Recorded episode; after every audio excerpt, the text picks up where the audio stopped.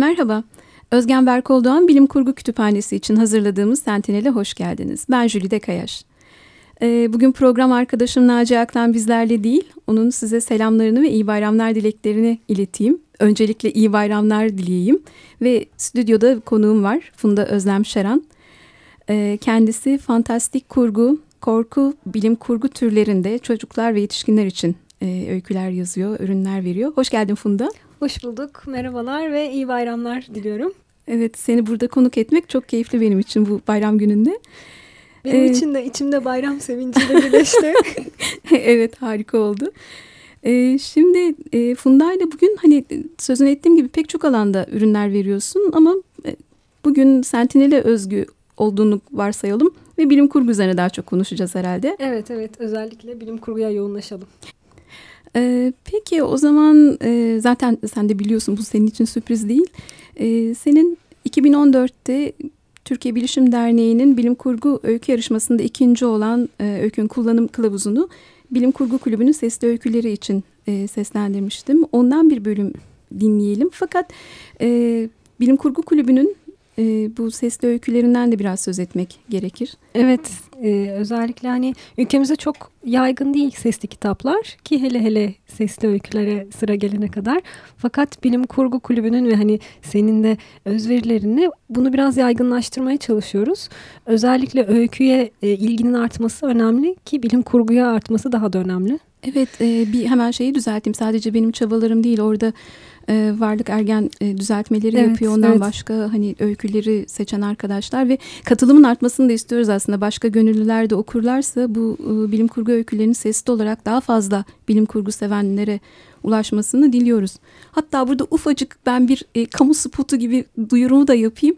E, bu öykülerle ilgili bir stüdyo arayışımız var. Bize e, sponsor olabilecek bilim kurgu seven bir stüdyo sahibi varsa e, çünkü bunlar hep ev ortamında kaydediliyor ve ister istemez hani daha iyi kalitede olabilir.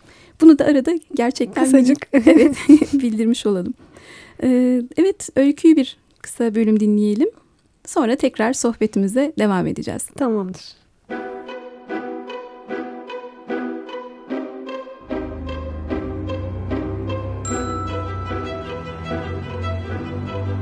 Bilim Kurgu Kulübü Sesli Öyküler Yazan Funda Özlem Şeran Seslendiren Jülide Kayaş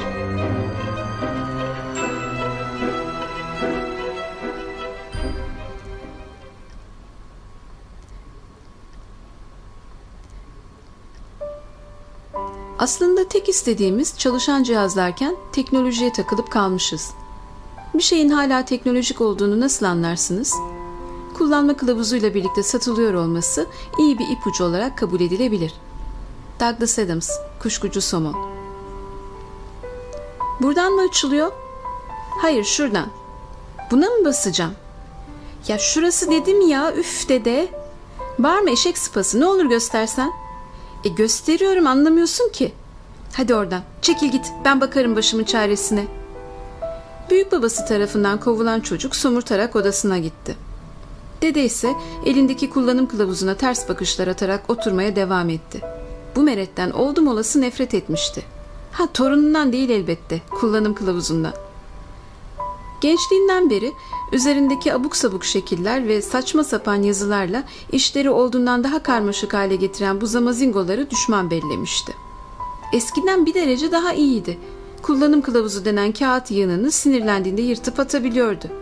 Şimdi ise gelişen teknolojiyle birlikte tüm kullanım kılavuzları tek bir yerde toplanmıştı. Fakat bu durumu daha iyi yapmıyordu. Çünkü dünyadaki tüm elektronik cihazların nasıl kullanılacağına ilişkin talimatları bünyesinde bulunduran bu yer, ufak bir tablet biçimindeki dokunmatik ekranlı cep bilgisayarıydı ve büyük baba bu lanet aleti nasıl çalıştıracağını bilmiyordu. Kullanım kılavuzunun nasıl kullanılacağına dair tüm bilgiler de hali hazırda bilgisayarın kendi içindeydi ve bu paradoksal durum cihazın üreticilerinin pek umurunda değildi.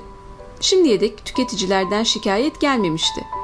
Bunun bir sebebi kullanım kılavuzunu çalıştırmayı başaramadığı için üreticisine şikayette bulunmak isteyen bir müşterinin firmaya ulaşmak için kullanması gereken elektronik iletişim cihazlarından herhangi birini çalıştırmayı da bilmiyor oluşu ve çalıştırmak için yine açmayı beceremediği kullanım kılavuzuna ihtiyaç duymasıydı. Diğer sebepse kılavuzu çalıştırmayı bilenler için bunun zaten bir sorun teşkil etmemesiydi. Ancak bunun başından beri sorun teşkil ettiği kişiler için geriye yapılacak tek şey kalıyordu. Kılavuzu yere atıp üzerinde tepinmek. Büyük babanın şu anda yapmak istediği şey de tam olarak buydu. Fakat avuç içi kadar bir alete yenilmeyi gururuna yediremiyordu. Üstelik torununun odasından çıkarak kapının köşesinden kendisini izlemeye başladığını fark etmişti. O ukala bücürün eline yeni bir koz vermek istemiyordu. Daha bu sabah dedem şekerlerimi aldı diye bağırmıştı kahvaltı masasında. Babası da bir oğluna bir kendi babasına bakarak iç geçirmişti. Yalan söylüyor diyerek kendini savunmaya çalıştı büyük baba ama savunmaya geçtiği anda oğlu bir şeyler döndüğünü anlamıştı. Baba, iftira. Peki, o zaman kan şekerine bir bakalım. Oğlu öğrencisini suçüstü yakalamak üzere olan bir öğretmen havasıyla kendisine yaklaşırken büyük baba boş yere çırpılmıştı. Torununun şekerlerini alıp yemişti. Bunu kendisi de çocuk da biliyordu. Fakat en önemlisi dedenin üzerindeki giysiler biliyordu ve onların bildiklerini birazdan oğlu da öğrenecekti. Uzak dur benden. Hadi ama baba uğraştırma beni. Ben doktorum unuttun mu? Benden bir şey saklayamazsın. Giyilebilir teknolojiler sayesinde kumaşın üzerindeki sensörler insanın vücudunu detaylı sağlık taramasından geçiriyor ve alınan bilgileri özel bir çipte toplayarak kişiye anında iletiyordu. Acil durumlarda da en yakın tıp merkezine sinyal göndererek yardım çağırıyordu. Elbette kulağa hoş gelen bir gelişmeydi. Ancak büyük babaya göre kulağının içinde kendisine devamlı ne kadar yaşlandığını hatırlatan ya da vücudunun o gün hangi organının çöktüğünü haber veren işgüzar bir ses duymak katlanılmazdı. Elbette kulağa hoş gelen bir gelişmeydi. Üstelik o lanet çip de tıpkı torunu gibi ispiyoncunun tekiydi.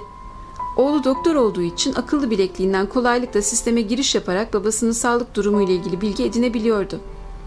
Bak gördün mü? Şekerin yükselmiş. Tansiyonun da öyle. Kaç kere söyleyeceğim şeker sana yasak. Oğlu okula gitmemek için hasta olduğu yalanını uyduran çocuğunu suçüstü yakalamış bir veli gibi azarlamıştı babasını. Oysa hasta olduğu yalanını söyleyerek okuldan kaytarmaya çalışan ve giysilerindeki çip yüzünden doktor babasına yakalanan asıl kişi masanın öteki ucundan pis pis sırıtıyordu. Bunu gören büyük baba iyice huysuzlanarak bir çocuk gibi somurtmuş ve kendi kendine homurdanmıştı. Peh, bir de teknolojiden bahsederler. Madem o kadar ileri, neden rahatça şeker yiyemiyorum ha? Papucumun gelişmişleri.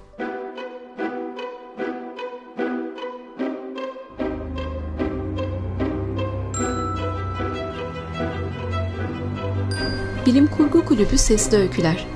Yazan Funda Özlem Şeran. Seslendiren Jülide Kayaş.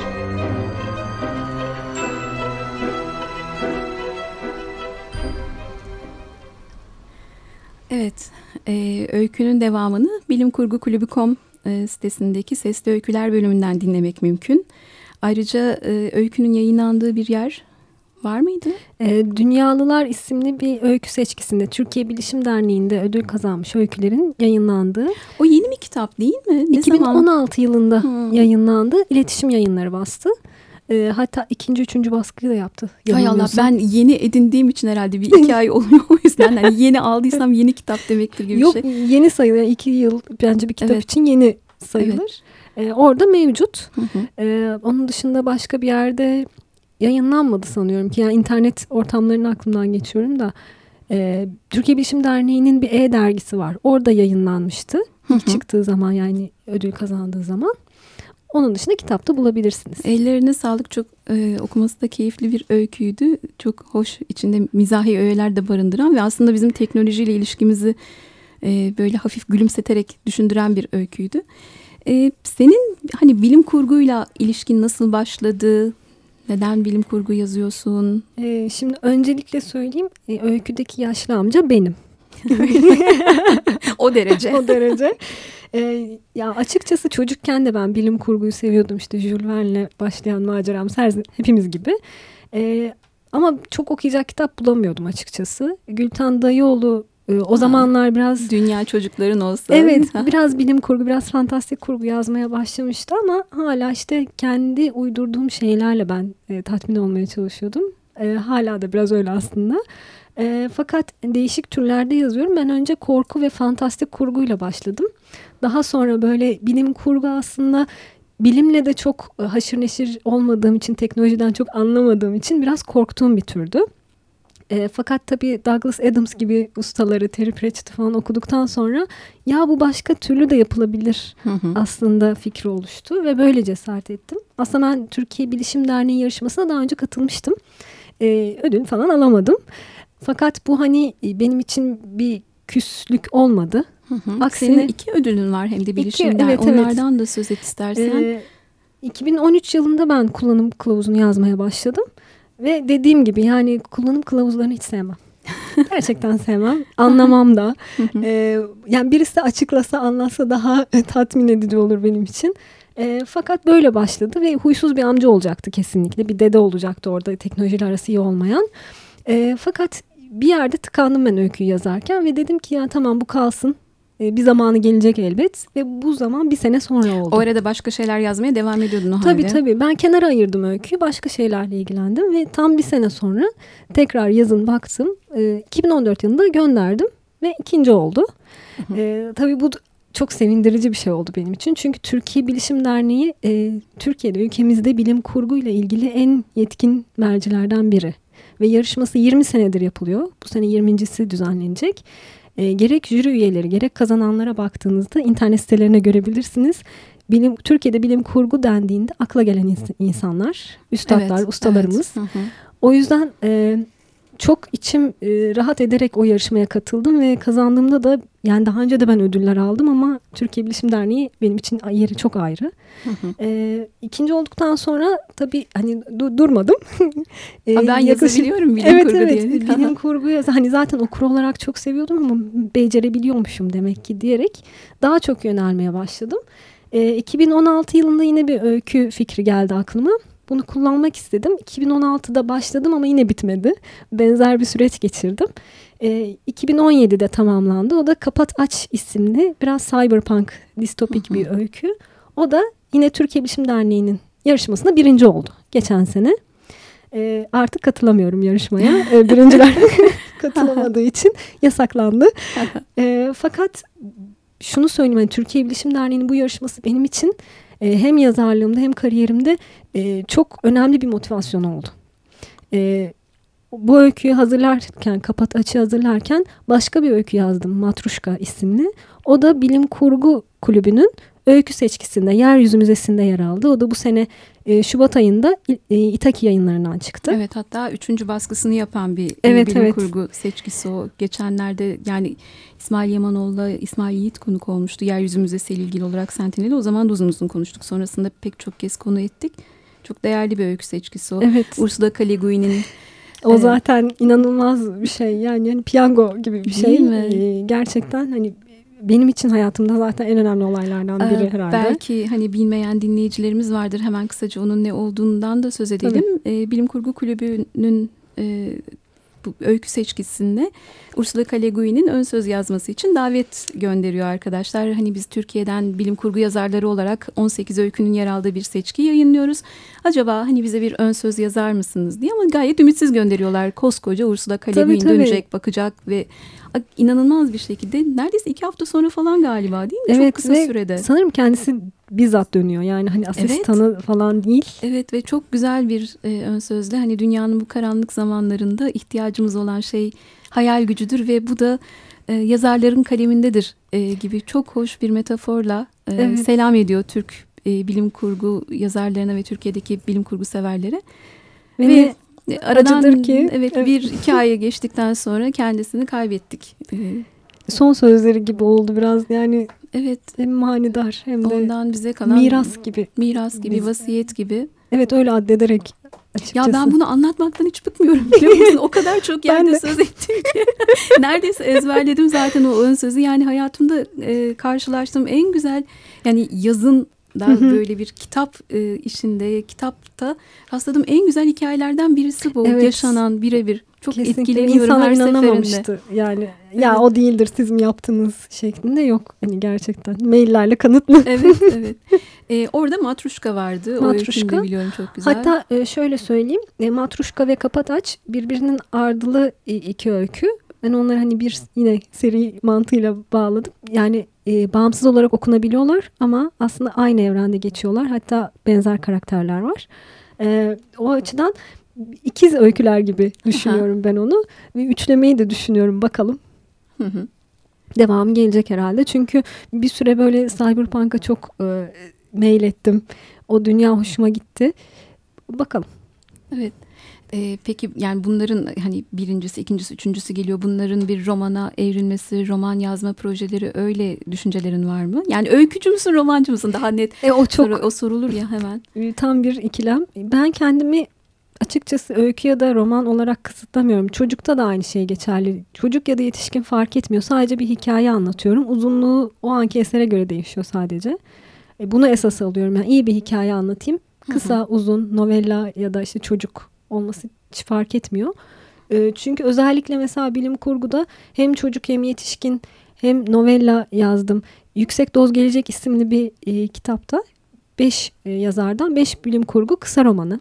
Altın kitaplardan yayınlandı. 2017 başındaydı. Orada bir novellam var mesela Phobos diye. Hani biraz daha uzasa e, kendi başına bir kitap olabilir. Orada da çok değerli yazarlar var. Orkun Uçar, Umut Altın, Serdar Yıldız, Gökçen Şahin'le beş yazar bir araya geldik. Ee, onun dışında mesela hani Gürültücüler diye bir çocuk bilim kurgu romanım var ki burada bir dolap kitapta e, bahsetmişlerdi. E, dediğim gibi yani benim için fark etmiyor. Özellikle mesela çocuklara yazarken aman canım çocuklar ne anlar bilim kurgudan demiyorum kesinlikle ki bizden çok daha iyi anlıyorlar. Hem teknolojiden hem bilim kurgudan. O açıdan e, benim için önemli olan okura saygı duyarak, onları inandırarak e, yaptığım işi özenerek yapmaya çalışıyorum. E, aslında senin bu hani çocuk bilim kurgu, e, çocuklar için bilim kurgu yazman çok e, önemli bir rol üstleniyor. Çünkü hani buraya gelen konuklarımızla da hep konuştuğumuz şey o. Kendi arkadaş çevremizde de konuşuyoruz bunu sık sık. E, Türkiye'de hani bilim kurguya, fantastik edebiyata, bilim kurguya, korku edebiyatına doğru bir e, eğilim var. İnsanların Hı. ilgisi giderek artıyor. Gençlerin ilgisi çok artıyor. Evet. Gerek hani Bilişim Derneği'nin öykü yarışmasına, gerek e, Fabisa'nın öykü yarışmasına her yıl daha çok sayıda e, yazar katılıyor, gençler evet. katılıyor. Ama o gençlerin bir kuşak öncesinde çocuklar hani çocuklar e, bilim kurguya yatkın olacak ki hani devamda gençler gelecek. Tabii geleceğin okurları onlar çünkü. Peki yaklaşımları nasıl oluyor? Neler yaşıyorsun mesela? Çok merak ederim çocuklarla nasıl şeyler geçiyor? Var mı ilginç? Ee, çok ilginçler yani kendileri zaten çok enteresan varlıklar. Ee, bilime çok e, meraklılar. Zaten teknolojiyle büyüyorlar. Hani ben öyle değildim mesela. Dediğim gibi teknolojiyle aramda bir uçurum var. Ama onlar zaten bazı şeyler açık olarak doğuyorlar ve onun içinde büyüyorlar. E, bilime çok meraklılar ve şunu fark ettim. Bilim kitaplarını çok okuyorlar. Hmm. Yani hani e, uzayla çok ilgileniyorlar. Bazısı dinozorlarla çok ilgileniyor ama bunlar hep bilimsel kaynaklı. Yani hani e, farazi şeylerle ilgilenmiyorlar. Çok seviyorlar, öğrenmeyi seviyorlar ve bunun kurgusu yapıldığında da çok hoşlarına gidiyor. Hı hı. Mesela şeyi biliyorum e, İzmir'de düzenlenen bir uzay kampı vardır. Oraya çocuklar çok severek e, gidiyorlar. Bu, bu da aslında dediğin gibi çocukların ilgisinin de olması bunu daha çok destekleyeceğimiz, besleyeceğimiz anlamına da gelir. Tabii tabii yani zaten onlar açıklar e, bu tür şeylere. Bizim daha çok üretmemiz gerekiyor sadece. Daha çok onlara ulaşmamız gerekiyor. Çünkü bizde artık bir de çeviri eserler çok fazla. E, yabancı yazarları okuyorlar. Tamam güzel eserler var ama neden Türk yazarları, Türk hikayeleri, içinde Ahmet Mehmet Ali'nin geçtiği hikayeleri okumasınlar. Çünkü bunları örnek alacaklar. Bugün bizim en büyük sorunlarımızdan biri şu. Hani ben de yazarlığın çok başlarında bu hatayı yaptım. Öyküleri işte Jonathan, Lucy vesaireyle yazarak. Çünkü hani bilim kurgu var ama ülkede bilimin geldiği nokta belli. Bir altyapı kuramıyorsunuz. Bunun yerine kendi özelliklerimizi katarak atıyorum işte teknolojiyle arası iyi olmayan bir dede koyarak içine evet. yedirerek e, yapabiliriz. Çocuklarda da bu var. Yazdıkları öykülere baktığımızda işte bizim gençliğimizde yaptığımız gibi Ahmet Mehmet yerine yabancı isimler var. Daha kolay kabul edilebileceğini düşünüyor değil mi o E, zaman? E, tabii çünkü izledikleri filmlerde, dizilerde, kitaplarda hep öyle yabancı karakterler dünyayı kurtarıyor. Ki hani ben gürültücüleri özellikle bunun için yazmıştım. Yani mahalleyi istila eden uzaylılara karşı Türk çocuklarının direnişi gibi e, söyleyebiliriz. Neden biz yapamayalım? Çünkü hani bir şey başımıza geldiğinde bizim başımıza gelecek. E, Evet. Canatının vesairenin başına gelmeyecek ve bizim kendimizi kurtarmamız gerekiyor. Bir kahraman aramamamız gerekiyor. Evet. Ee, peki bu yakınlarda var mı yeni projeler? Neler yapıyorsun? Elinde bekleyen yeni romanlar E, diyelim, öyküler diyelim. Bu ara biraz böyle nadasa bıraktım gibi. Ee, Zaten az önce sen o iki öykünün kaderinden söz ederken e, hani bunu acaba yarışmaya katılacak e, diğer yazar arkadaşlar bir e, tüyo olarak alacaklar diye düşündüm. Ne yapıyoruz? Bilişim ödül kazanmak istiyorsak bir öyküyü yazmaya başlıyoruz. evet bir sene bekliyorsunuz. bir sene bekledikten sonra tamamlayıp yazın tamamlayın. Özellikle zaman- yazın. Yazın. O zaman ödül garanti galiba. Ama hani açıkçası bu konuyu açman güzel oldu. Çünkü bazen soruyorlar mesajda bana hani nasıl ne oluyor falan diye. Ee, bir de şöyle bir durum var tabii biz e, toplamda 20 senede sadece iki kadın birinci olabildi. Bir ben bir de Burçin Tetik olmuştu. Ee, o yüzden özellikle ben kadın yazarların da çok daha katılmasını, yazmasını, bilim kurgu ve alternatif türlerde yarışmalara katılmasını çok istiyorum. E, şöyle bir nacizane e, tavsiyem olabilir. E, bilim kurguda iyi bir fikir önemli. Hı hı. Yani gerçekten teknolojiye, bilime, e, onun nasıl çalıştığını açıklayabileceğiniz bir icada ihtiyaç var. Bunun üzerine e, öyküyü kurgulayın ve kurgularken de iyi bir e, öykü olması. Yani her şeyden önce dediğim gibi e, bilim kurgu, fantastik kurgu, korku hiç fark etmez. Sadece iyi bir hikayeniz olsun. Her onu- zaman için öyle değil mi? Evet, Zaten evet. bütün türler için bir kere hani artık gök kubbe altında söylenecek yeni bir şey yok ama Hı. Ama onu nasıl anlattığınız önemli ve kendinizden anlatın. Yani dediğim gibi işte bilmem ne yazar. Tabii ki hepimiz öykündük yazarken. e, ister istemez etkisi altında kaldık. Fakat kendi içinizdeki sesi bulun. Sizin dünyayla derdiniz ne, hayatla derdiniz ne onu anlatın. Kendinizden yola çıkın. Ve inanın o zaman eşsiz oluyor zaten o iş. Yani konu ne kadar aa işte evet bu şunu çağrıştırdı ama ama böyle anlatılmamıştı. evet. Hani bu önemli. İyi bir öykü olsun. Bir de en önemlisi 2000 kelimeyi geçmesin. Evet. evet. Benim en zorlandığım kısımlardan biri. Onda da neydi? Kimin sözüdür o? Birisinin sözü. Şimdi yanlış isim de söylemeyeyim. Hani öykü yazdıktan sonra dönüp bakın başından, sonundan ve ortasından mümkün olduğunca çok kesin. Ancak o zaman iyi bir öyküye döner diye bir e, birisinin önerisi vardı. Stephen. King galiba olabilir. Olabilir. Çünkü e, yazdığı metnin yüzde onunun atılabileceğini ki doğru evet. Gerçekten atılabiliyor yani. Biz bazen ben özellikle gevezelik ettiğim için e, fazla kelimeler, gereksiz tekrarlar Sonra olabiliyor. dönüp atıyorsun onu. Tabii tabii. Özellikle benim genelde zaten yarışmadaki öykülerim 1996 kelime. 1997 sonuna kadar zorlamışım artık. Oradan bir V'yi, ileyi falan çıkartıp tabii D'ler, ekleyerek. dağlar. Evet. Peki e, sanırım biz süremizin sonuna geldik. E, konuk olduğun için programımıza çok teşekkürler tekrar. Seni burada görmek büyük mutluluktu. Ben teşekkür ederim. Çok Yeni sevindim. öykülerini okumayı bekliyoruz merakla, heyecanla. Sana Evet. şimdiden kolay gelsin diyoruz. Çok teşekkürler. Umuyorum ki yine kısa zamanda bir araya geliriz. Umarım. Bizi dinlediğiniz için teşekkür ederiz. Önümüzdeki programda görüşmek üzere. Hoşçakalın. Tekrar iyi bayramlar.